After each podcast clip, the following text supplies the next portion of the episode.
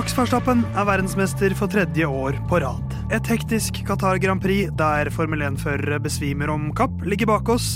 Ekstremvær, ekstremt mange dekkskift og ekstremt mye prat om banegrenser. Vi skal ta tak i alt i ukens Lyden av Curbs.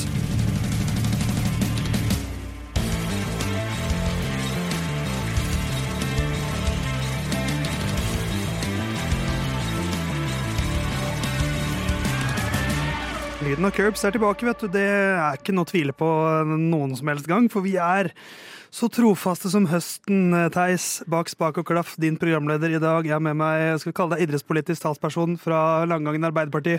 Herman Borgstrøm. Stemmer. stemmer. Arbeiderpartiet i hjemtraktene gjør en eh, ekstremt god jobb for hjembygda òg. Ja. Så shout-out til Arbeiderpartiet i Porsgrunn. Og du har aldri sett mer ut som en Arbeiderpartipolitiker og velger enn du gjør akkurat nå, syns jeg. Nei, og- Beskriv ditt eget utseende. Altså med idretten eh, Altså jeg, jeg tror jeg ser ut som eh, Jeg tror jeg ser ut som grasrota i idretten. Endelig er det Herman Borgstrøms tur. Ja, for jeg har på meg en litt sånn uh, tightsaktig joggebukse uh, og en gammel overdel fra et nå nedlagt idrettslag som jeg representerte i håndball, Vestlig. Gammel storhet, det er Arbeiderpartiet oppsummert. Ja, på en måte. Så eh, ja, en slags dugnadsentusiast fra grasrota er utseendet jeg rocker nå. Så har vi også med oss vinneren av det store symesterskapet 2026, Jonathan Andersen. Nei, det blir sannsynligvis ikke noe av. Hva har skjedd med sykarrieren? Du er jo en mann som har sydd eh, klær, du har sydd brudepikekjoler. Det er ikke grenser for hva du har sydd. Eh, Eller sydd. Eh, eh, nei, eh, nå blir det litt pause, fordi eh, Det ble for mye syng. Det gikk utover leksene. Ja, og så skal jeg ut og Det er veldig begrensa hvor lenge jeg syns det er gøy. Eh, og det er sånn eh, Det er gjerne midt i mens man holder på med noe, og da er det Da har jeg lyst til å pakke ned alt.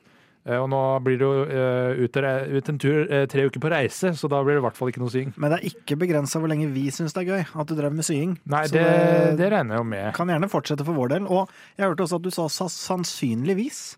Så det er ikke helt Nei, nei, nei. usikkert at du blir vinneren av det store symesterskapet i 2026. Eh, Sannsynligvis ikke. Ja, men det er, som fortsatt da- en åpning. Det er litt som da Alonso la opp. Ja. Sebastian Fettel var litt sånn Ja ja, vi får, vi får nå se. Men, men Det er litt sånn vi har det nå. For å sitere en uh, annen uh, podkaster, uh, Tore Sagen, som ikke vil bli en hundeperson, Ja. uh, så vil ikke jeg bli en syperson. Nei, vi får Så- se. Nei, hva har du lyst til å bli da, i hvert fall? det er nå en eh, som eh, snakker om Formel 1 eh, en gang i uka. En trass jævel. Ja, en trass Jævel. forferdelig irriterende fyr. Takes one to know one, eller Ja, absolutt. Jeg kan kjenne meg igjen i det. Du, har- du har Theis, åssen går det med deg? Eh, veldig våte bukser. Ja, jeg så det. Ja. Hvis det er lov å si. Eh, hva sa du? Har du tissa på det? Nei, dessverre ikke. Eh, det hadde vært lettere Nei, jeg har bare Hadde det vært lettere å forklare? Nå bor jeg jo litt lenger Jeg har flytta innen de siste to månedene, eh, så det har jo ført meg ca. syv minutter lenger bort fra Radio Nova, der vi spiller inn. eh, Som gjør at jeg har en syv minutter lengre eh, tur på elsparkesykkel hit til Majorstua. Eh, Og når det da regner infernalsk, så, skal, så er det de syv minuttene som gjør at min regnfakk blir et eh, regnfakk. Min regnfakk blir tettet for vann. Ja, for det, det her uh, i Oslo, som vi spiller inn, der fins det ikke andre transportmidler som er under tak. Uh, jo, det gjør det, men jeg foretrekker jo det som går raskest. Og det er faktisk elsparkesykkel. Ja, men eh, føler du at du Ikke fikk raskest kilometer i timen-messig, men tidsmessig. Eller Ronaldo. Så du føler deg kanskje litt som Logan Sergeant nå, da? Eh, Det skulle gå så Nei. fort at uh, nå er det ubehag. men jeg sto i det hele veien. um, det er den 76. episoden av Lyden av Curbs. Albon. Ja, da, det, Albon. ja, der har vi han! Yes, han følger med. Følger med. Alexander Albon, Al Anton starter i uh, Formel 1. Karrieren hans det er 76. Men jeg tenkte jeg måtte jo ha Jeg kunne ikke bare ha med den faktoiden. Så jeg skal trekke et navn opp av hatten som jeg vil at dere skal, dere skal svare på. Når var sist dere tenkte på Romagro Shah? Det er ikke si halvannen måned siden. Ikke sant? Nei, det er lenger siden. Jeg følger jo Drive to Survive-kalenderen, og han har ikke vært eh, aktuell Nei, ikke der. Så for meg er det siden den jeg så den eh, Man of Fire-episoden. det Sist, sist jeg tenkte på ham, var Jeg hørte at han er på vei ut av Indycar. Er usikker på om han er ute. For jeg tenkte sist på han da jeg fikk med meg Det var noe greier med at han kanskje skulle inn i det Andretti-prosjektet. Jeg føler jeg har lest det et sted, men eh, ikke som fører, da. Men jeg tenkte at vi skulle snakke litt om karrieren til Roma Grosja, for han kjenner jo mest som Has-fører. Så på en måte er det litt synd at Drive to Survive-æraen ikke slo til Lotus er han. en seks-syv år tidligere, for da var han egentlig ganske god. Eh, Han har 76 løp for Lotus, som er litt færre enn han fikk for Has. Eh, Kjørte fire fulle sesonger der, og fikk ti podieplasseringer. Ja, det, men den, det eh, er jo, det er jo en respektabel formel. Det er ti flere enn Nico Hulkenberg, eksempel. hvis man vil se peak uh, Grosja, så må man se 2012-sesongen. Nei, nei, nei, nei. hvis du vil, det, vet du hva? Jeg skal gi deg en out fra den. Hvis du vil se peak Grosja, i hvert fall det beste resultatet han fikk, så kan du se USA Grand Prix fra 2013. Da ble han nummer to. Uh, ba, det er bak Sebastian Fettel, tror jeg. Hans beste resultat i karrieren. Resten var tredjeplasser, om jeg husker riktig. Ja, det er mulig at det var noe disk på Raikon der, hvis jeg husker riktig. Det kan godt hende, men i historiebøkene var alt jeg leste. Jeg så ikke alle de ti løpene. Nei, Eh, svakt. før vi dundrer i gang med den 76. episoden av Lyden av Cup, så vil jeg du, Herman, at du skal si et tall mellom én og tre. Tre. Da blir det til deg en sparkling rabarbra fra, fra Kolonihagen. Eh, Jon Hafton, du kan si et tall mellom én og to. Eh, da sier jeg én. Da får du en sparkling fra Kolonihagen sitron og limonade. Oh. Åh, den er glad jeg slapp. Og jeg får bringebær og grapefrukt. ja, jeg er fornøyd, jeg. Oi, oi, oi. Hvor fornøyd er du fra en skala, på en skala fra 1 til 76, Herman, med hvilken du fikk? Fikk, faktisk. Eh, det er uh, sitrongreia hadde vært én Nei, si en 40, da. 40, du Jon Halvdan? Uh, på skala fra 1 til 76. eh, 70 av de her. 70. Jeg fikk bringebær og grapefrukt. Eh, 69. Eh, Lyden og Curbs skal i gang. Qatar Grand Prix.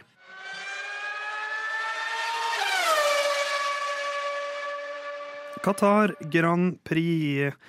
Det kokte godt i cockpiten i Qatar for eh, alle og enhver denne helgen. Eh, En sprinthelg var jo dette, så det var ikke så mye eh, trening. Men det ble jo da en liten ekstra treningsøkt lørdag morgen fordi det var behov for det.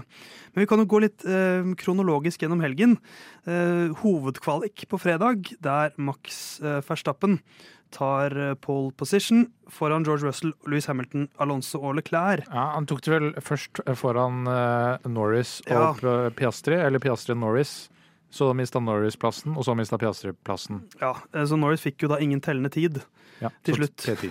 Uh, P10, det, da er du høyt oppe i NRK-hierarkivet. Hierarki, jeg klarer ikke å snakke. Nei, da er du dårlig. Jeg har hatt fri i dag, så jeg tror hodet mitt har tatt fri også. Forferdelig. Uh, men uh, Verstappen ender opp med pole position, og så må vi til lørdagen, hvor det er sprintlørdag. Det blir en liten treningsøkt først, før sprint shootout. Det mest amerikanske som fins. Der er Oscar Piastri raskest foran Lando Norris. De holder seg innafor linjene, og der er det Max som sliter litt med å holde seg innafor linjene. Uh, ja, altså uh, jeg, På lørdag drev jeg på med noe som de gjør mye i Formel 1. Du sydde. Nei, skifta dekk. Uh, så jeg så bare sprintløpet. Eh, jeg har skjønt at Piastri vant på Merit eh, i den eh, SQ3. Eh, så jeg tror jeg må lene på noen andre akkurat når det gjelder uh, kvalifiseringa. Ja, han, eh, han Max gjorde glapp i en sving eller noe sånt, som gjorde at han røyk ut av eh, over, over the limits. Som gjorde at han fikk litt færre forsøk. Men eh, Piastri var raskest Mm. eh, foran Norris. Og i sprintløpet så hvis, hvis du skal få spørsmål, Herman, hvor ble sprintløpet avgjort? Ja, altså Så sett det. Ja. Det er jo ikke F3 denne helgen, så du fulgte kanskje ikke med. Jo, nei, altså, jeg liker jo best F3. Men når blei sprintløpet avgjort? Det er vel på en måte når Piastri kommer forbi Russell, da. På grunn av dekkstrategi og de greiene der. Jeg har ikke noe bedre svar enn det. Eh, Men ja, at, eh, at Piastri på en måte lar Russell eh, ta den plassen uten noe videre kjemping, på en måte beholder dekka intakt og ja, klarer å kjøre the long, the long game. For uh, Russell starta jo da på soft, Mm. uh, og det var, var det tre sikkerhetsbiler i sprintløpet som gjorde at, altså selv med tre safety cars, så sleit Så var det åpenbart at mediumdekkene var dekkene å være på her. Ja, på mange måter ble det avgjort, og de satte Russell på softdekk fra start. Ja, det kan man si. Uh, Hvis man Eller da hadde han kanskje ikke vært så langt oppe uansett, da, men jeg kan si når uh, førermesterskapet ble avgjort, Theis. Ja, for det var også i sprintløpet, Ja. um, som vi pratet om i forrige uke. Det var der det skjedde, for selvfølgelig så ender jo Det var ikke i sving én, men det var i sving to. Men den, ja, men den lille slags spådom vi hadde om at uh, Chris, Chris Horner, som jeg kaller han, ikke fikk den, det der klimakset han ønsket seg i år heller. Mm. Det ble en så klein variant i år også. Ja, det gjør det. Men, For, for hva skal du egentlig si til Max Verstappen når Perez har kjørt ut, og, og det betyr at han er verdensmester. Ja, jeg syns Du kan han ikke ta skulle helt av. Ja, jeg syns han skulle lent inn i det idet Peres hoppa ut av bilen. Eller det grønne lyset gikk på på bilen, som indikerer vanligvis batterifeil. Rett på radioen til Max. Enig, Herman. Ja, ja, altså det er jo det jeg sa sist òg, at der kunne Horner på en måte få noen ekstrapoeng hos meg ved å bare være rett på. Ordentlig rasta, rett og slett. Ja, ja, og Det hadde vært en meme av verden. Ja, Da. ja, den hadde vært bra. Så det hadde jeg likt. Og så må jeg bare føye meg i, i rekken ved Kjetil Rekdal, eh, som gratulerte Max Verstappen med sitt første verdensmesterskap, da. Ja. Ikke sant. Kjetil Rekdal har altså skrevet det på Twitter, eller? Ja. Ja. Ja, ja. For, for han er den mest saklige Formel 1-kommentatoren jeg vet om. Nei, men jeg, altså jeg ja, Det er en mann jeg eh, absolutt liker Din og kan følge. ledestjerne. Ja, på Dere en måte drikker i like mengde cola. Ja, det er min mann her i livet, og da, jeg, jeg kan følge Kjetil på den. Jeg er Ja. på fornavn. Deg om eh, det og Kjetil om det. Eh, Det blir i hvert fall til slutt Oscar Piastri som tar sin Det blir alltid sånn vanskelig å forholde seg til det her nå, men han tar sin første seier for McLaren, men ikke første løpsseier. Ja, som må være litt vondt for Norris. Fordi eh, i 2021, uh, som er sist ordentlige løpsseier, gikk til Ricardo. Ja. Ja. Og du kan trekke det enda lenger tilbake. Uh, Carlos Sainz tok McLaren sin første podieplassering på fem år. Ja. Før Norris. Og eh, Ricardo, det var vel eh, Jensen Button ni år tidligere som hadde den forrige McLaren-seieren. Ja, så det, så det er eh, For Norris sin del så er det dette, dette blir surere og surere. Det å se Det ene er altså Nor, eh, Ricardo sin seier var litt sånn ja ja. Men Piastri sin seier her, Max kunne ikke røre den. Nei. Eh, Han hadde iallfall ikke nok runder igjen. Det var, eh, han tok inn kanskje en, en, tidel eller to, eh, men eh, med 40 runder til, kanskje, men det, altså, det var ikke i nærheten. Nei, altså De hadde jo ganske lik eh, pace i hovedløpet òg, selv om nå slapp jo eh, Max litt eh, av på slutten. da, og det var liksom, altså Den differansen de kommer inn med, er ikke helt reell. Men det var liksom ikke fullstendig pissing i eh, på en måte hovedløpet heller. Men så så jeg også noen statistikk på at Max var den eneste som ikke hadde brutt track limits en eneste gang. Ja, Max, var, Max var den eneste som kunne drive på med uh, tire management Ja. i hovedløpet. Ja. Eller Hamilton nå, da. Var det så, var det så kommenterte. Eh, vi kan jo flytte oss videre til eh, søndagen, da, eh, hovedløpet, hvor Max Verstappen starter i pole position, og eh, så kommer det to, to Mercedes-biler der, Ja. eh, hvor Hamilton i, på hva kalles det, gridlappen, eh, sier 'I'm a sitting duck here'. Ja. Fordi han var plassert på softdeck. På formasjonsrunda eller Ja. på sightingløp? Formasjonsrunden var det vel. Ja, Eh, Så sier han 'sitting duck'. Eh, For han var på softdeck, så her var det tydelig at han var allerede litt sånn 'å shit, her må jeg ha en god start'. Ja. Uh, Det var jo ikke Russell og Verstappen, de var på medium. Og vi så jo i sprintløpet litt at softdekkene, de varer ikke så lenge. Da visste de- vi allerede at her er det 18 runder, det er masse pitstop fordi det er varmt og dekkene slites fort. Men de er på før sving én, mens mediumdekka de er ikke på før runde tre, kanskje. Nei. Ja, fordi i det sprintløpet så var de softsa De var helt sinnssyke i starten. Ja, I to runder. Det var helt sånn Det var helt latterlig. Det så ut som om de kjørte med ja, langt flere hestekrefter enn Ja. det de andre gjorde. Eh, Der snakker du dekkfordel, og det blir jo en bra start fra, fra Mr. Hamilton også. Ja. Så geita spinner av gårde, men så eh, Det var lite legger- hjulspinning. Så er det vel kanskje litt sånn tunnelblikk på både Hamilton og Russell, for begge to er så gira på at de skal ta Verstappen at de glemmer litt hverandre. Og da er det Hamilton som um, er syndebukken, for han svinger inn bitte litt understyring fra Russell. Et, Det er- et jeg kan- stev eller snev. Nei, jeg kan ikke, jeg kan ikke se det. Nei, Altså. Men, altså- men, men uavhengig av det, den er jo Hamilton sin Ja, feil, og den litt- har han også i ettertid sagt at Ja, ja, ja. den er helt min. Men det er litt som eh, eh, når du feilberegner litt gjennom en dør, som av og til skjer, og så er man borte med skuldra. Det er litt sånn forbikjøring Ja. på Ja, Hamilton. og så er det jo, uh, for min del, jeg er enig, det er Hamilton, og det ser alltid dumt ut når to lagkamerater krasjer. Eh, Det gjør det her òg, men den er, det, er en veldig knepen en. Og Russell for eksempel manøvrerer jo litt ut til venstre, det er hans fulle rett, så det er helt greit det. Men den er ganske tight, og så syns jeg det er som jeg skrev til dere to når vi for en gangs skyld så løpet sånn cirka samtidig. Ja, Jeg så, de første jeg så bokstavelig talt jeg, så, jeg fikk ikke sett reprise av krasjen, for jeg måtte skru av, for jeg fikk besøk hjemme. Ja, men da, altså, jeg skjønner ikke at Mercedes setter uh, Hamilton på soft, Russell på medium, og at ikke de har en slags avklaring på, vet du hva, her ofrer vi egentlig løpet til Louis litt, fordi vi prøver Louis litt, han er med i suits. Men nå prøver vi å få han forbi, og så kan vi liksom kontrollere løpet i større grad, da. Men greia var at de skulle forbi sammen.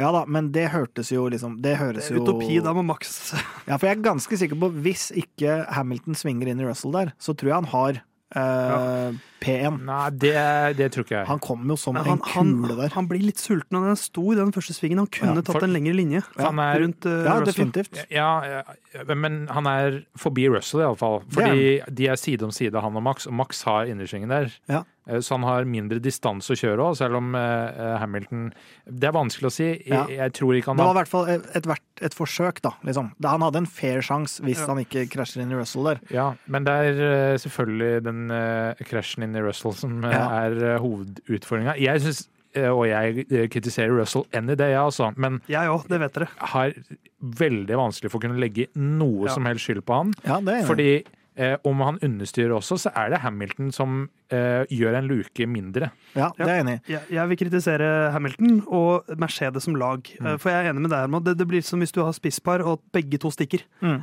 Må alltid møte. Ja. At her burde her, her må de liksom dele splitte strategien litt. At, nå vet ikke jeg hva som blir sagt, men måten de kjører på der, tyder på at begge to har veldig lyst til å komme seg forbi Verstappen med en gang. Men, Ja. men det virker for meg rart at det er hvis en skal forbi Verstappen, så må vi sette Russell på soft. Men han nekta å kjøre på det etter Han ville jo pitte under Ja. sprintløpet. Men, Ja. men er det ikke noe med at du har For Hamilton starter vel på linja der som er racing line, og da har du Ja. bedre asfalt. Ja. Så at han står på soft selv fra P3, Ja. gir på en måte litt mening. Ja, enig. Eh, Men så blir det jo som det blir. eh, Så koker det litt i cockpiten, som det alltid gjør. Eh, Først sier Hamilton at det var eh, hva faen skjer. Russell sier selvsagt det samme tre-fire ganger i løpet av de første rundene. Det blir spilt opp mange ganger, og Ja. han er ikke alene om å bli sånn eh, eh, opphengt. Alonso er jo også det. Ja. eh, på, men det kler ingen av de å Nei. være sånn Hva skjedde der, egentlig? Men etter målgang så syns jeg de takler det fint. Så det er ikke noe Rossberg helt enda. Og er det riktig å si at det er der løpet blir avgjort? For Russell har bra løpstempo etter det, bedre enn McLaren, eh, og kjører seg opp til fjerdeplass. Eh, Men med han borte, så har jo egentlig Verstappen kontroll, selv om Piastri og co. henger på. Ja, altså det øh, gjør jo at Verstappen for, for, det har vi jo ikke snakka om da, men øh, det ble jo fra Pirelli sin side øh, De har jo forskjellige dekktyper, åpenbart. Men de så øh, strukturell slitasje på dekka, så uavhengig av dekktype, så var det maks 18 runder. Um, som de kunne kjøre, og når Verstappen da ikke har noen som pusher han knallhardt, så kan jo han uh, drive på også med tire management i de her maksimalt 18 rundene. Et dekk kan kjøpe, kjøre i uh, løpstempo. Uh, så han er jo uansett mindre sliten enn de andre, for det første, og for det andre kan ta det mer rolig. Så han har egentlig mer på lager enn de fem sekundene tilsier. Men eh, eh, det at han ikke har noen som er nærmere, det, det gjør at han eh, kan ta det rolig. Eh, Så da er han verdensmester for tredje gang, Herman. Han kroner jo. eh, Selv om det blir litt sånn antiklimaks på lørdag, så avslutter han jo med pole position, raskeste runde og løpsseier. Mm. Eh, Så det blir jo et nytt hat trick. Eh, Og du lar deg kanskje imponere, selv om du ikke skulle sett at det gikk slik. Ja, det gjør jeg. Og så er det jo på en måte for meg som Det er veldig lett å konkludere med at den Red Bullen er så sinnssykt overlegen. Og det tror jeg fortsatt den er, og det kommer jeg alltid til å tro at den er.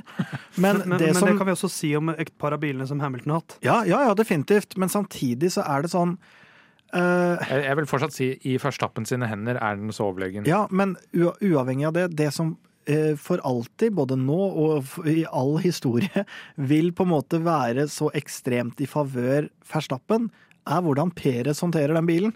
Fordi de har samme bil, og når Peres gjør det så dårlig, og Max er liksom kanskje så overlegen Folk diskuterer om det er så overlegen som noen noen gang har vært, på en måte. Han Så- har leda 75-76 av rundene i år, som er det meste noen har leda Ja. noensinne. Så, så er det liksom sånn det, det er jo ikke bare bilen heller. Selv om jeg syns selvfølgelig det virker som at den er uh, hovedfaktoren, så er det sånn Peres vil alltid være der som et slags referansepunkt, og det er ekstremt i favør Verstappen når Ja, man kommer til å se på det her historisk også. Og hvis vi tar referansepunktet uh, Peres og sammenligner med eh, føreren som de var Altså Han ble jo tatt ut i, eh, hoved, eller i sprintløpet. Sidepoden var borte. Starta fra pit lane.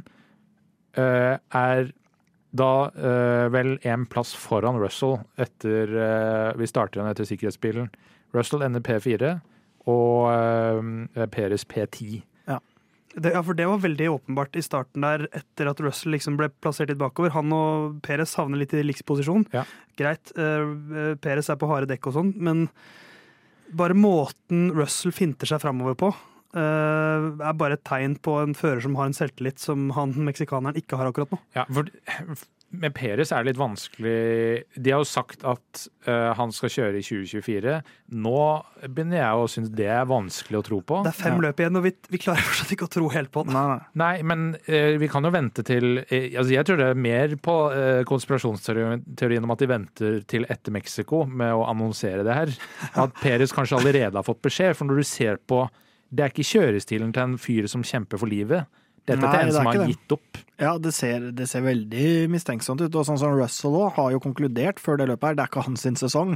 Så at han har jo heller ikke på en måte eh, topp selvtillit, men ser jo ut som den kongen. Han er jo da. rasende, da. Ja da, men altså allikevel så er det sånn Ja, det er jo han Peres har mer å kjempe for enn Russell. De står i samme situasjon, og så Ja, det ser ikke bra ut, altså.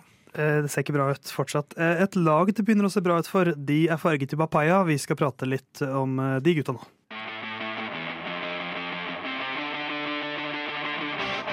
McLaren, verdens beste lag når det kommer til pitstop. eh, 1,8 sekunder.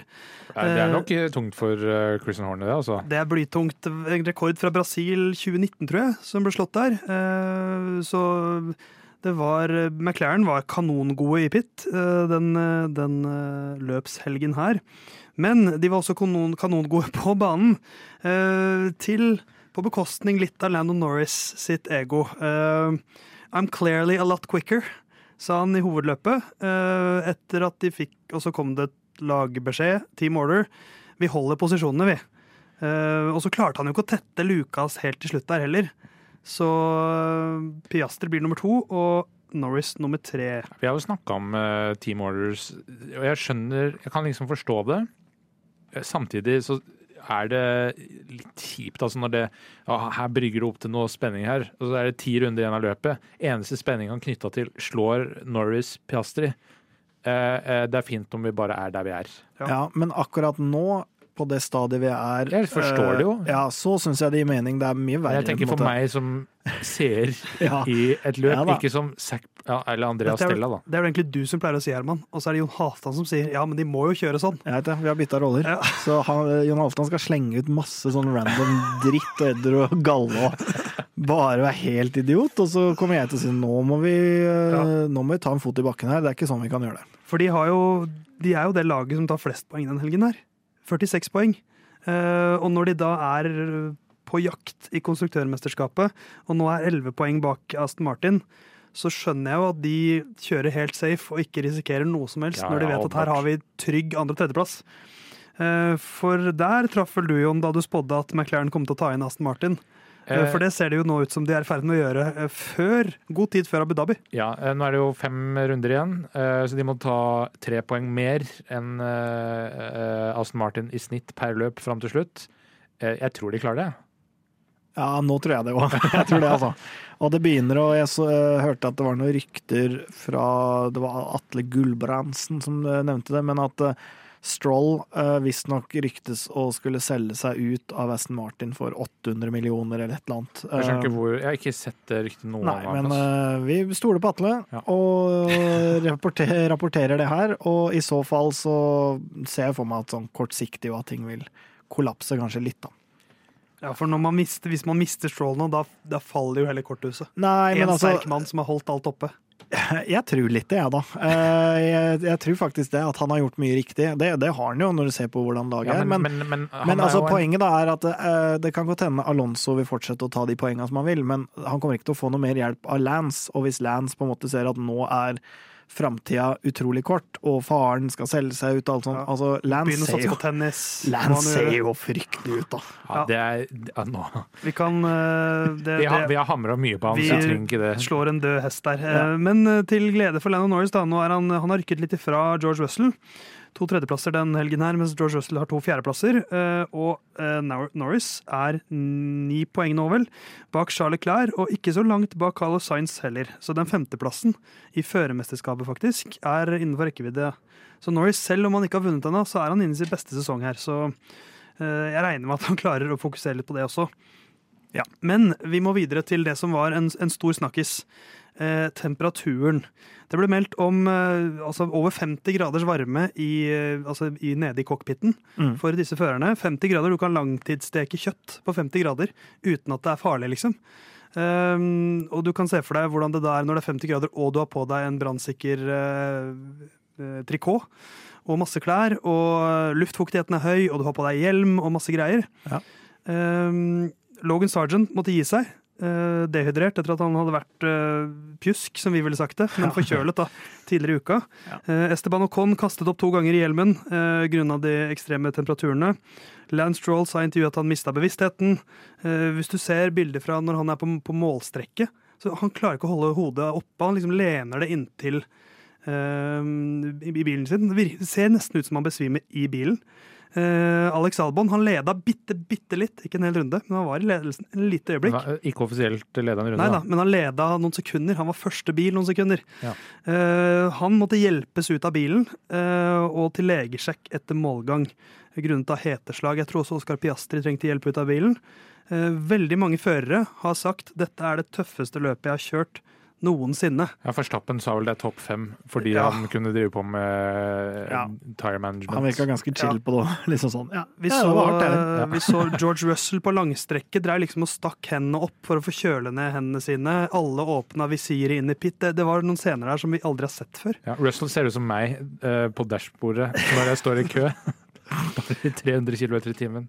Eh, og så er jo da spørsmålet uh, Var det riktig å kjøre her? Herman Ja. Borgstrøm, sport, ta, hva er det kalt? Idrettspolitisk talsperson i Langgangen. Ja, altså Hvis vi skal se stort på det, nei. Uh, selvfølgelig ikke. Med altså hele Qatar og altså alle de, de tinga. Men sånn temperatur og de tinga der, det tenker jeg er en del av sporten. Altså De skal jo til Texas, for eksempel. Der kan det være like varmt. Eh, sånn at jeg tenker ja.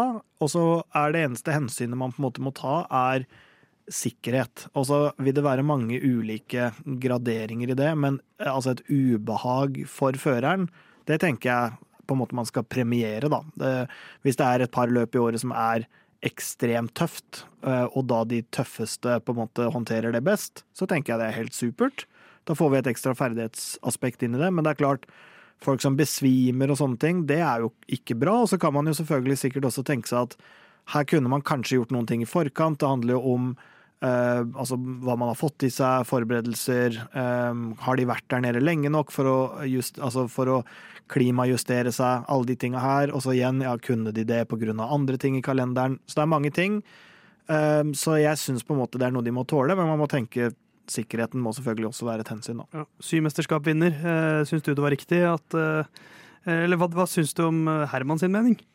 Er du litt sånn at det bør Ja, de må tåle såpass, eller er Ja, du mer I, I utgangspunktet så er det litt det, fordi ja, 50 grader og bla, bla, bla, men, men det er to timer ubehag, og man blir betalt eh, penger for å drive på med det. Så er jo andre eh, de Jeg hørte på P3-nyhetene i dag, og alle ting. Eh, ikke klart å finne en heller, så litt usikker på hvor de har det fra. Men at eh, Formel 1 har sagt at de, vi må flytte Se på om vi skal flytte Qatar Grand Prix pga. temperaturen. Jeg tror det er har- seinere uansett. Det har, neste år. Fi, det har eh, Fia skrevet. Eh, Fia Neste skrevet. års utgave av Qatar Grand Prix er planlagt senere. Eh, For jeg mener eh, bare hvor hvis temperaturene da er lavere. Ja, Hvis vi bare avlyser det, så er det jo ikke noe problem. Eh, og eh, det, det som er med på Det er jo mange ting her samtidig. fordi hvis vi ikke hadde hatt maksimalt 18 runder på dekk som kan kjøre 40 runder eh, Ja. før de må pitte, så er det, altså det er 18 runder maks. Dette er tilbake til sånn Michael Schumacher-dagene, når vi drev på med øh, øh, fylling av drivstoff og skifta dekk hele tiden, og dekkrig osv. Man kunne kjøre altså så pushe så mye, og det er det de drev på med i alle de rundene de kunne. Og derfor blir 50 grader uten sving Ja, så hardt. Men det er jo fortsatt sånn som altså, En ting er jo når Logan Sargent, som har vært litt sjuk osv., og, eh, og ikke har kanskje fysikk som har kjørt Formel 1 i årevis, Eh, når han gir seg, tenkte jeg han er kanskje litt newbie. Eh, Men har han vært sjuk, så har han vært sjuk. Men når det kommer ganske garvede førere her også, som har vært med i gamet her i ganske mange år, og sier Altså, Lance Stroll så helt ferdig ut. Uh, greit, han er kanskje ikke den mest talentfulle, men har nok kroppen til en Formel 1-fører nå. Ja. Ser i hvert fall ut som han har, har nakken. Um, så det er jo gøy, fascinerende, ikke gøy, fascinerende at bitte litt regn, så skal vi ikke kjøre, men ekstremt varmt vær, så er det liksom bare, bare kjør på. Ja, jeg ser jo på en måte det poenget, men samtidig Hva er ikke egentlig farligst? Ja, men jeg ser ikke på sånn noe sikkerhetsaspekt. Nei, altså, Men hvis Si Men at, når eh, Lance Stroll nesten besvimer, da. ja, men si at de fire som sleit mest, da. Da har du Sergeant, Al, uh, Ocon, kanskje Albon og Stroll, da. Men det er jo to- tosifret antall førere som har sagt dette er det tøffeste løpet jeg har kjørt. Ja, men hvis de, an, hvis de som på en måte sleit mest, endte opp med å måtte trekke seg fra det her fordi vet at det, her, det her går ikke, det, vi orker ikke mer, så er det på en måte en fair sak, det òg. Det er jo helt greit, på en måte det. Så er det kanskje ikke sånn det skal være, men da, da vil man jo ende opp med et problem for alltid, da. Fordi nå er det jo sånn, som du sier, hvis det er for mye regn, så skal man ikke kjøre. Og så blir det sånn, ok, vi legger et løp til Texas, da. Ja, nå er det hetebølge i Texas, da kan vi ikke kjøre fordi det blir for varmt. Da blir det nesten sånn når vi var i Barcelona, da var det 40 grader der. Og da var det plutselig liksom Ja, da er det nesten så de ikke kan kjøre der heller, på en måte. Så det, da, da må man jo se på hele kalenderen, da. I så Men det er jo luftfuktighet det er jo også et uh, aspekt her. Ja, Eh, absolutt. Uh, men, men sånn, altså Lance, nei, ikke Lance Stroll, uh, han hadde selvsagt aldri sagt det, men Esteban Ocon sa at du må drepe meg eh, hvis jeg skal avbryte et løp. Altså, du må, jeg, han, han, for han er altså sånn Ja, Du kan ikke forvente at, at førerne skal si 'dette er for farlig'.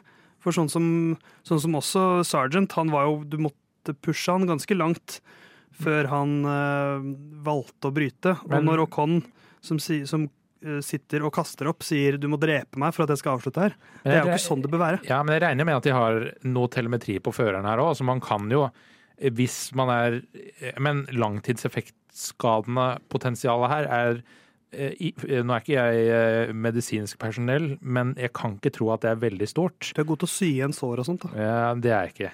Eh, Men vi har jo telemetri på førere, så man kan sikkert sette en grense at hvis kroppstemperaturen er sånn og sånn, så må du bryte, og det sier vi eh, fordi eh, du har nådd en hard limit.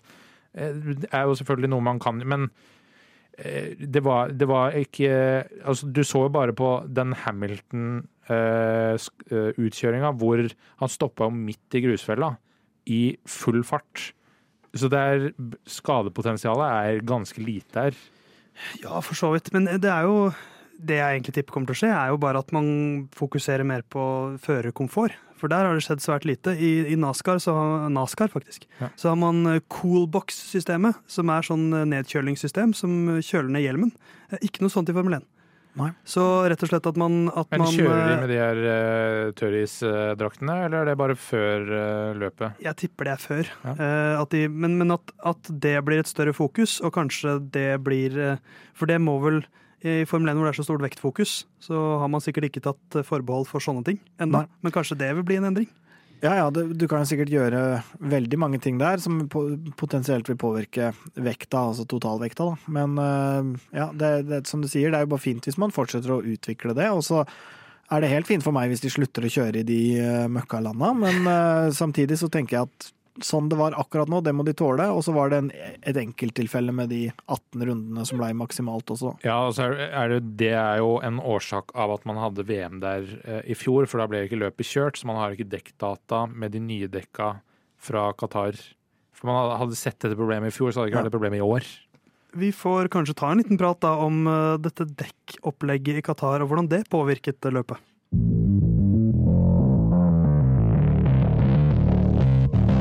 Det var eh, fascinerende å være på start i et Formel 1-løp, og så være i den posisjonen at du vet på en måte siste runden der hver enkelt fører kan pitte til enhver tid.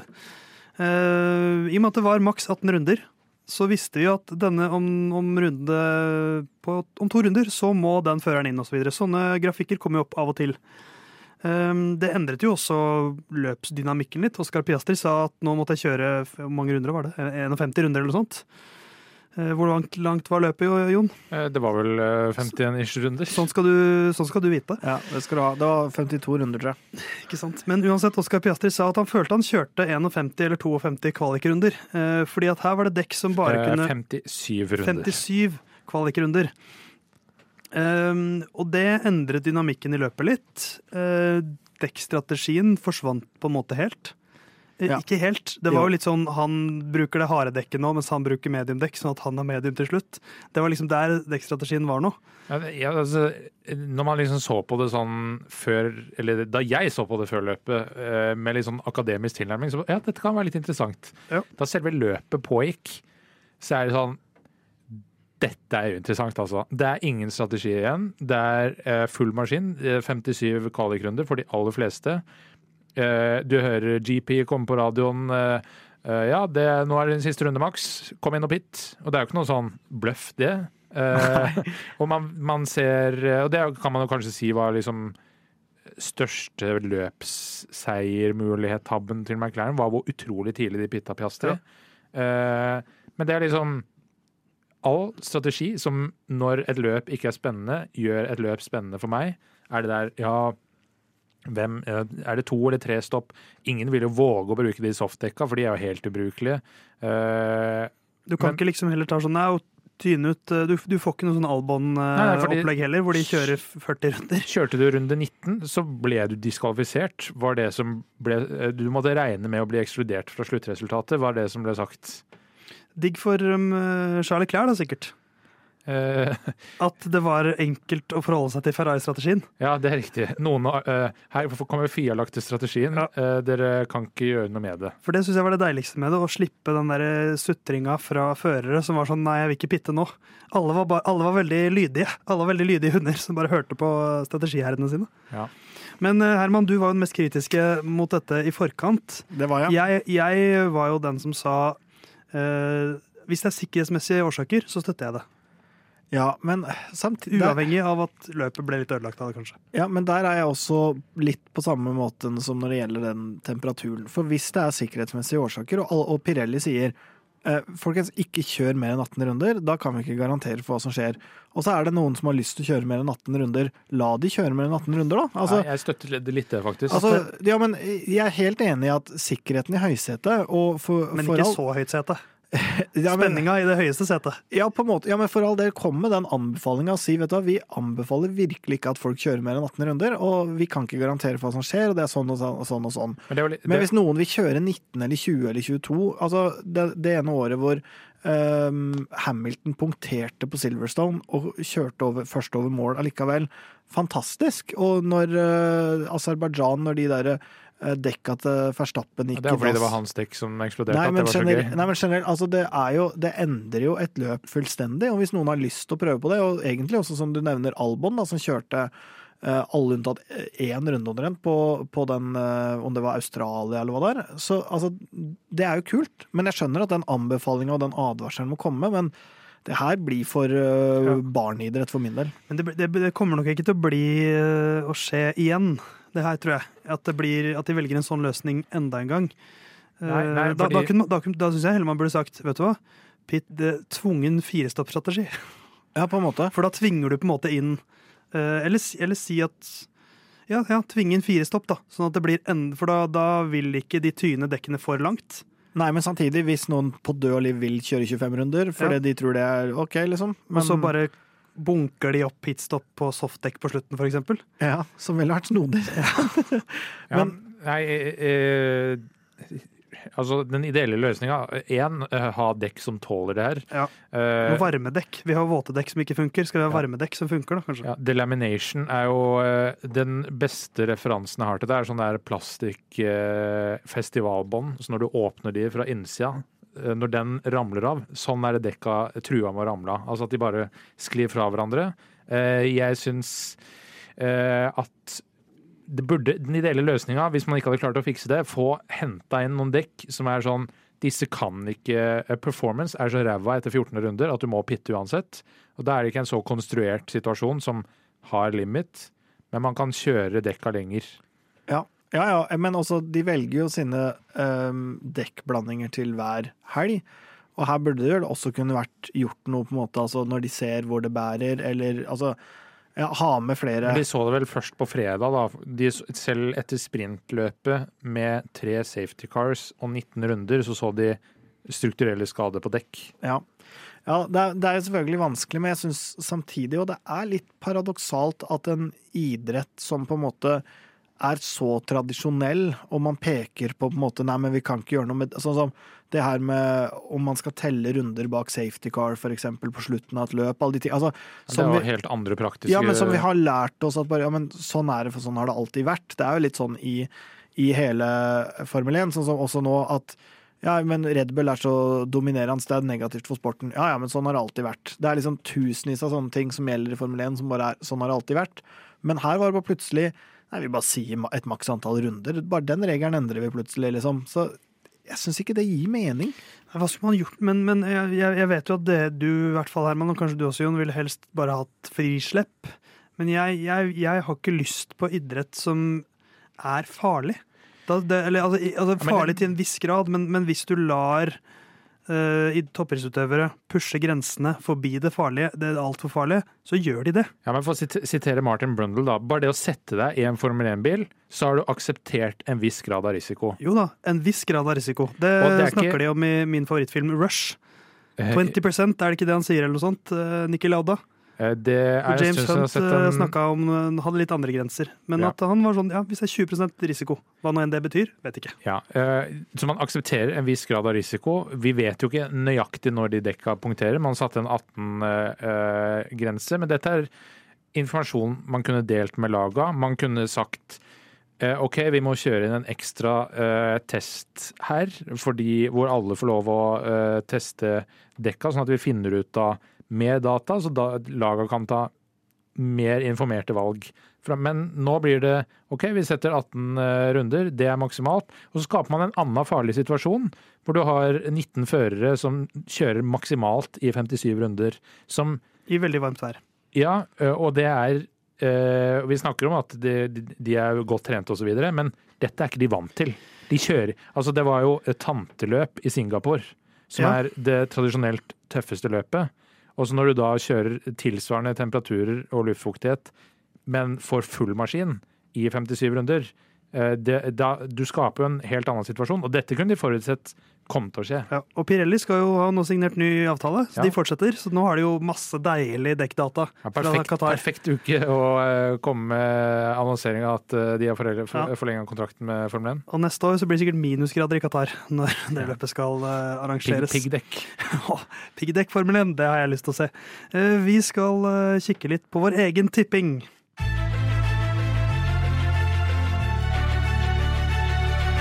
Det drar seg til i lyden av Curbs sin tippekonkurranse. Fem runder igjen, og det er jevnere enn det var i fjor. Da var det veldig jevnt mellom to stykker.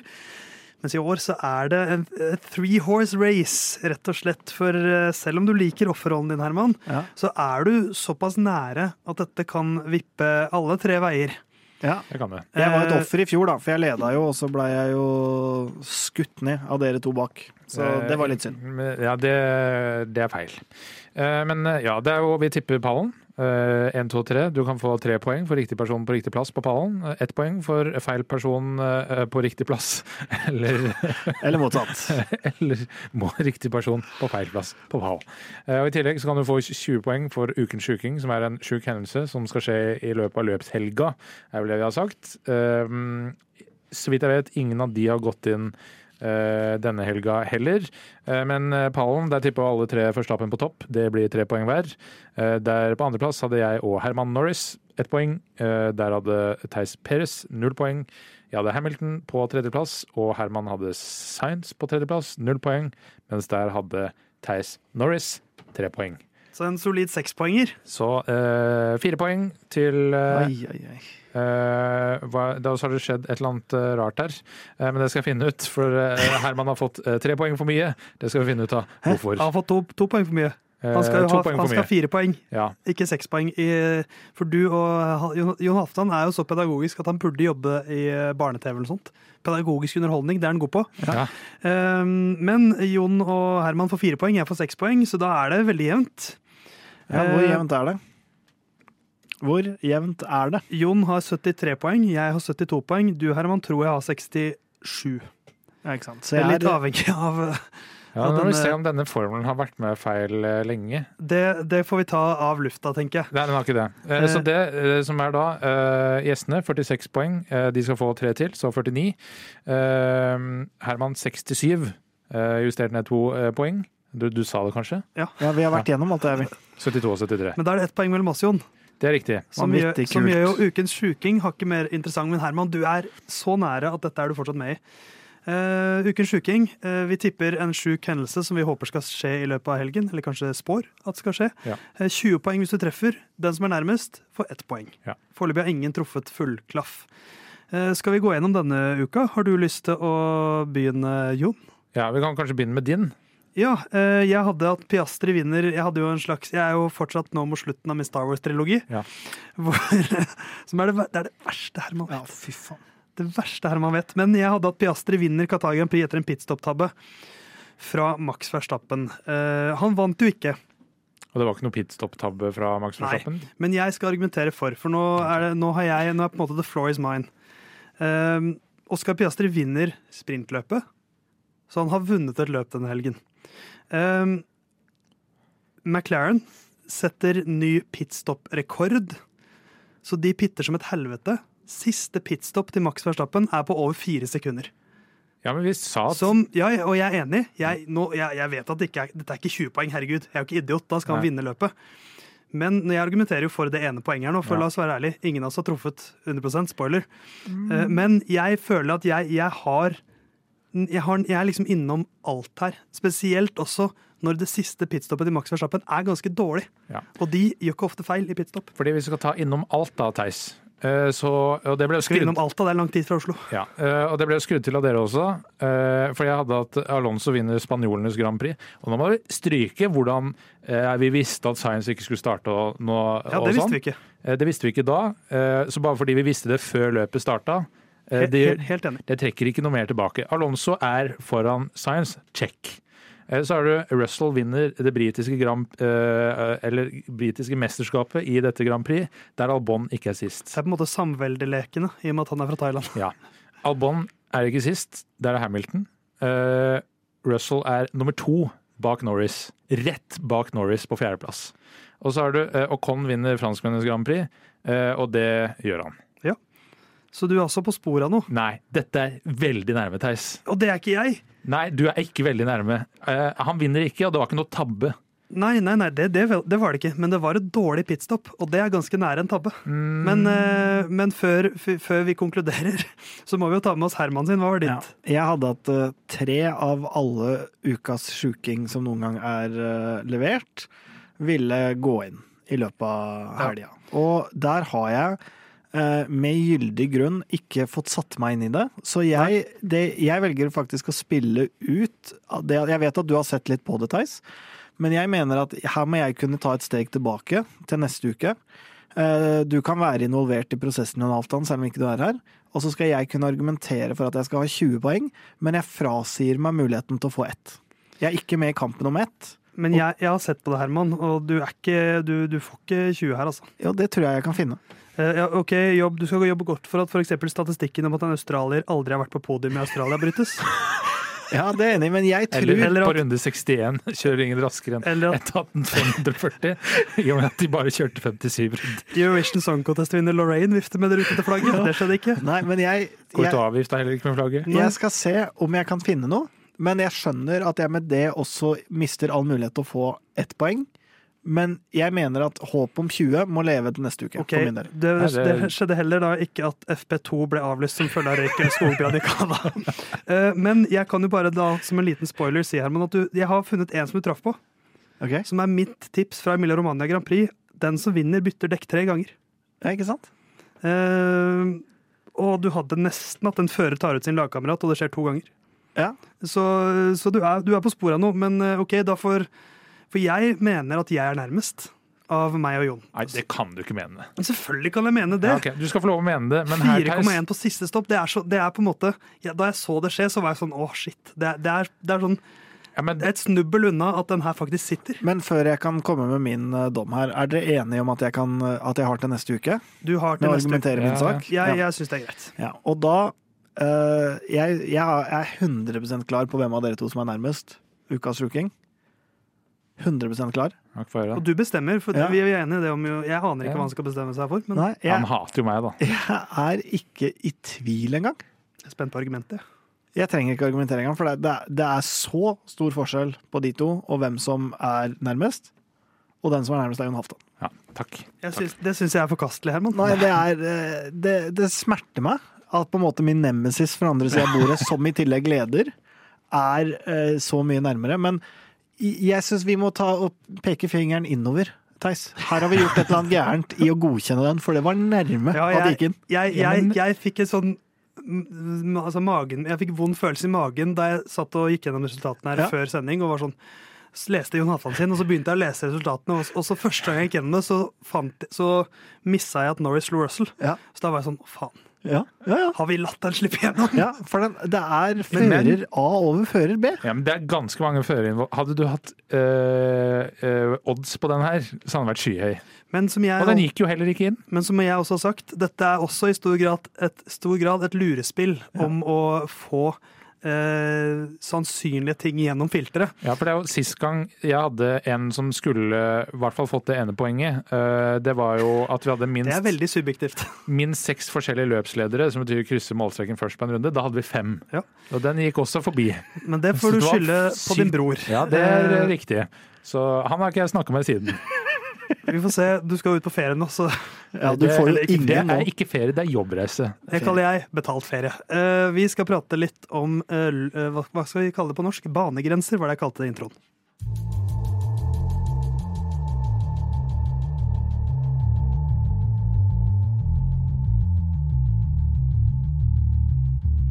Track limits, det var et ord som ble nevnt ofte eh, Eller to ord som som ble nevnt ofte denne helgen. Eh, det ble masse, masse straffer også etter løpet. Alexander Albon og Lance Stroll fikk ti sekunder til sammen. Sergio Perez, eh, eller ti sekunder hver. Pierre Gasly og Sergio Perez fikk da 15 sekunder. Um, eh, I kvalifiseringen så sleit jo Lando Norris og Oscar Piastri på fredag. Max Verstappen sleit på lørdag, og mange andre som ikke er nevnt eh, her nå. Det blei litt parodisk tidvis. Ikke like parodisk som Østerrike, kanskje, men eh, det var litt deilig å ikke ha snakka om det siden. Eh, og så må vi snakke om det igjen nå. Ja, og så når du mikser det her inn med det der eh, maks 18 runder på dekk uh, osv., så, videre, så blei det jo litt å forholde seg til den helga her. Det er jo Ja. ikke til å stikke under. Det blir sånn- Ja, det, det blir sånn styreromløp, på en Ja. måte. Eh, For øvrig, eh, Østerrikes Grand Prix har hatt 64 advarsler eh, som rekord.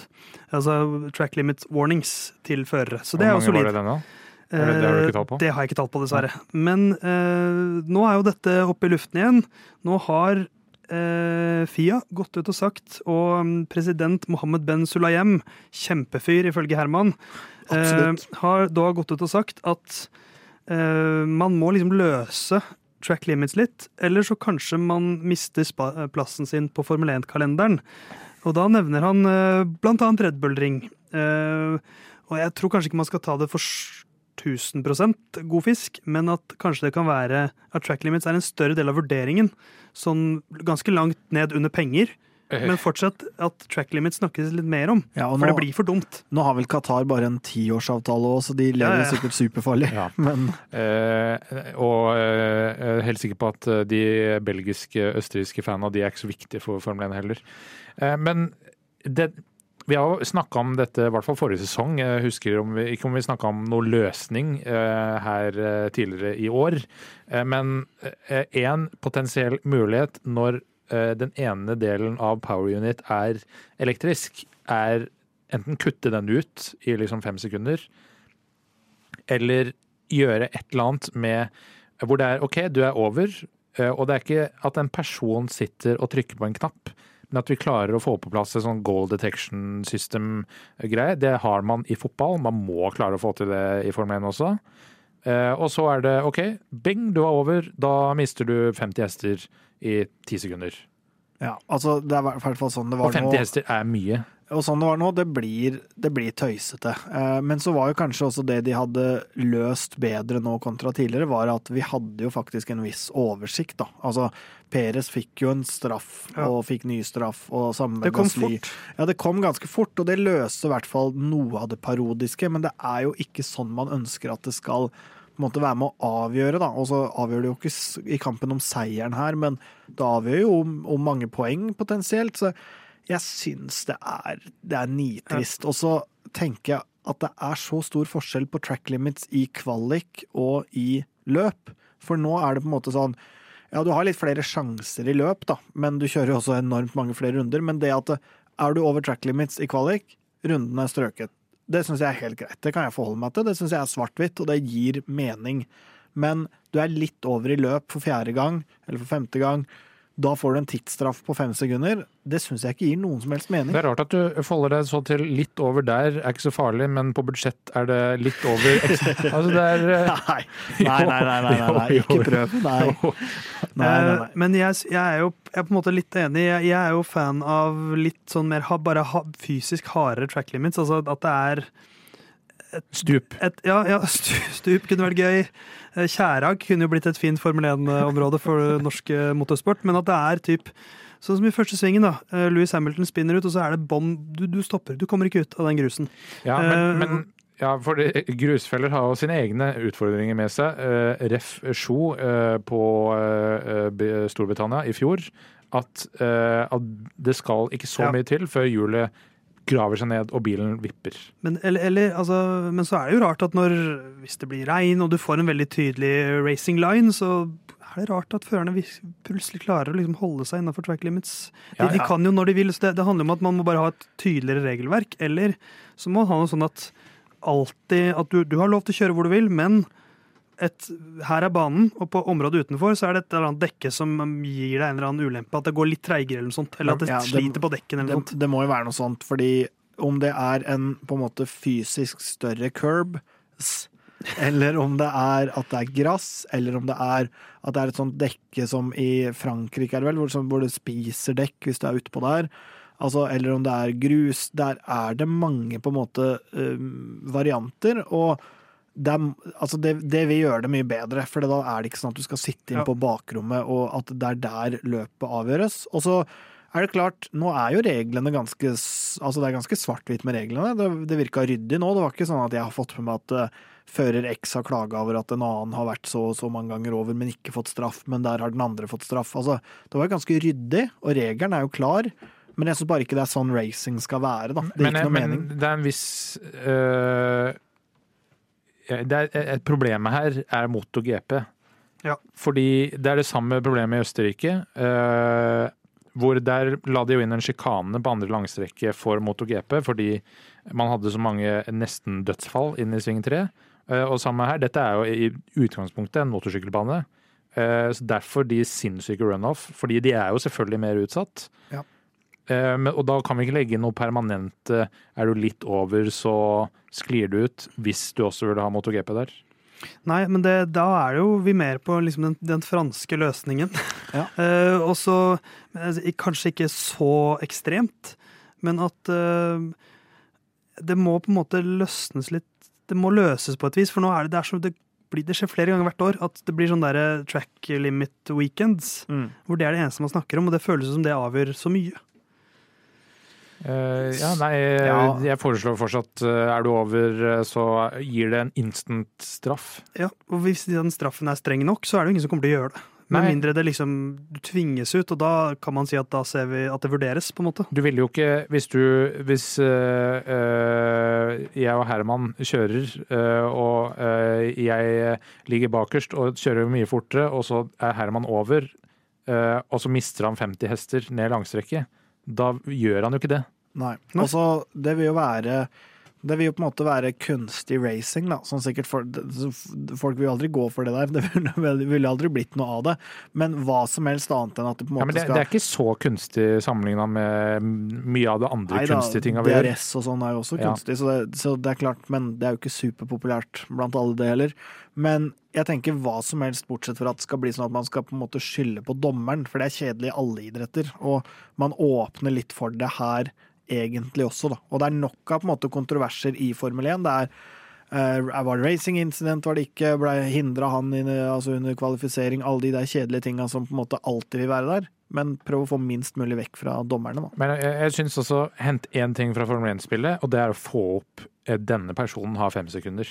Ja. eh, Ja. På timetable. Hvor, hvorfor ikke? Det er så mye lettere å forholde seg til enn å huske på det. Og sammen med strikes og for den saks skyld. Ja. Mye kan løses med god grafikk, som du pleier å si, Herman. Uh, Lina Curbs skal straks takke for seg.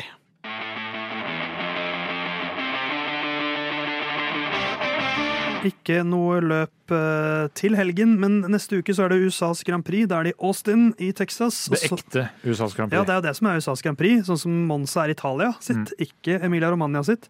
Eh, Mexico følger da uken etter, og så er det Brasil. Så er det en triple header eh, på det amerikanske kontinent før vi reiser til Las Vegas. eh, en, en to uker etter løpet i Brasil. Da er det nordover igjen tilbake. Så de holder seg på det amerikanske kontinent, men da med en liten pause. Og så er det rett til Abu Dhabi etter det. Så det er en triple header igjen, en ukes pause, og så en double header. Ja, fornuftig reiseplan sånn eh, miljømessig. Ja, da ville man helst hatt USA og så kanskje Las Vegas, altså Austin, så Las Vegas så Mexico, Brasil. Ja, Og så kanskje hatt uh, Abu Dhabi Dhabi nå, for Ja, eksempel. ja. Så kunne vi fått sesongavslutning i Las Vegas, The Strip. Det blir en bedre etterfest også enn i Abu Dhabi. Men eh, mens Hva slags lyd? Jeg vet ikke. Men mens, vi, mens eh, Formel 1 reiser ut på tur, så skal Herman bli i Norge, tror jeg. Ja. Aldri lett å si med han. Jeg blir i Norge, det er lett å si med meg. Mens du, Jon, du skal ut på tur, du òg. Jeg skal ut på tur. Eh, drar til eh, Japan litt for seint. Eh, og så en svipptur innom Sør-Korea og Taiwan før jeg er tilbake igjen her om fem ukers tid, blir det vel da. Eh, og Herman hadde jo en eh, utfordring som var utrolig vellykka uh, sist, Mm. med at man skulle komme med eh, tips eh, til bakgrunnslyder han kunne ha i sine eh, audioreisebrev. Ja. Så eh, min utfordring er da eh, kom med ord jeg skal bake inn, så skal gjengen i studio gjette hvilket ord det var det skulle være. Ja, ikke sant? Altså legge inn en eh, e-post som kommer mot slutten av sending, eh, sånn at de får fasit først da. Så kan de se hvem som får flest poeng i løpet av de fire Ja, episodene jeg er borte. Så sende rett til deg, da. Ja, eh, at Jon Halvorsen, JHH, eh, jh at jon-halvdan.no uh, er også mulighet. Ja, fy, Der datt jeg av. Der datt jeg av. Prøv Ja. en gang til. Uh, jh at jon-halvdan.no uh, eller at Jon Halvorsen på Jeg Instagram. blir forvirra at han sier J. Ja. Jeg skal si Jodd. J. Ja. Og så vil jeg bare jeg vi sier jo ikke jo- Jodo eh, Halvdan. jeg vet ikke hvordan eh, kjernelytterne våre eh, på en måte definerer seg, men hvis jeg på en måte har noen eh, kjernefans eh, der ute, så ønsker jeg ikke at de sender inn til Jon Halvdan. Jeg ønsker at det benytter dere kun når jeg er ute på reise. Ja, så ikke noe content eh, til Herman, der. Nei. Jeg, jeg vil bare gjøre folk fornøyde. Ja. Med en bra podkast. Så mamma, du vet nummeret mitt. Og ja, nei, vi, vi, vi, skal få, vi skal få i bakt inn noen ord der uansett. Men eh, Herman, du er med neste uke, har du lovet meg. Ja. Dypt og hellig. Vi vet jo aldri, med Jeg ja. vet aldri med deg, men da blir det litt vikarbonanza de neste ukene. Eh, Jeg er her, i hvert fall. Du er her. Kanskje du er her med to vikarer en gang? Vet du hva, Det kommer til å skje, det. Ja. Men du får god tur, Jon. Jo, tusen takk. Reis, eh, reis fornuftig. Det er eh, jobbreise, så det er veldig ordna forhold. eh, Så jeg slipper å ta noe ansvar. Jon skal ut på fylleferie. Hva skal du uka som kommer nå, Herman? Eh, Spille to fotballkamper. Eh, Forhåpentlig skal vi rykke opp til femtediv med Heia Langgangen. Putte noen kasser, eller? Som du Eh, Det har slutt- det har slutta med, faktisk. Sto i mål sist, jeg. Så sånn er det. Feia Langgangen, det er Heia Tufte i Ja, Langangen. kan du godt si. Kan du godt si. Nå ser jeg for meg den, den originale Heia Tufte-reklamen. Hvor Ja. Erik Torstvedt, nei, Peter Schmeichel kommer ut av uh... Nei, det er Norsk Tipping. det er Norsk Tipping. Ja, men altså, ja, de bruker Heia Tufte. Ja, Ja, ja, Og så er det Ja, stemmer. Var det den du lagde i stad? Eh, nesten.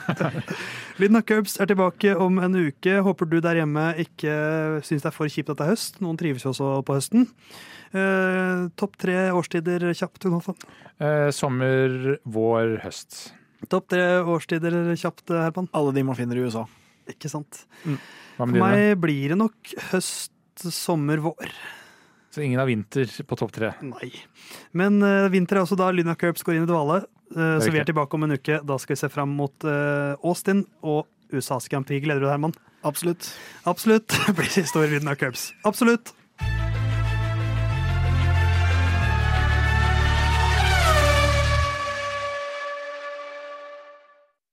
Good luck this weekend, Stroll. Thanks.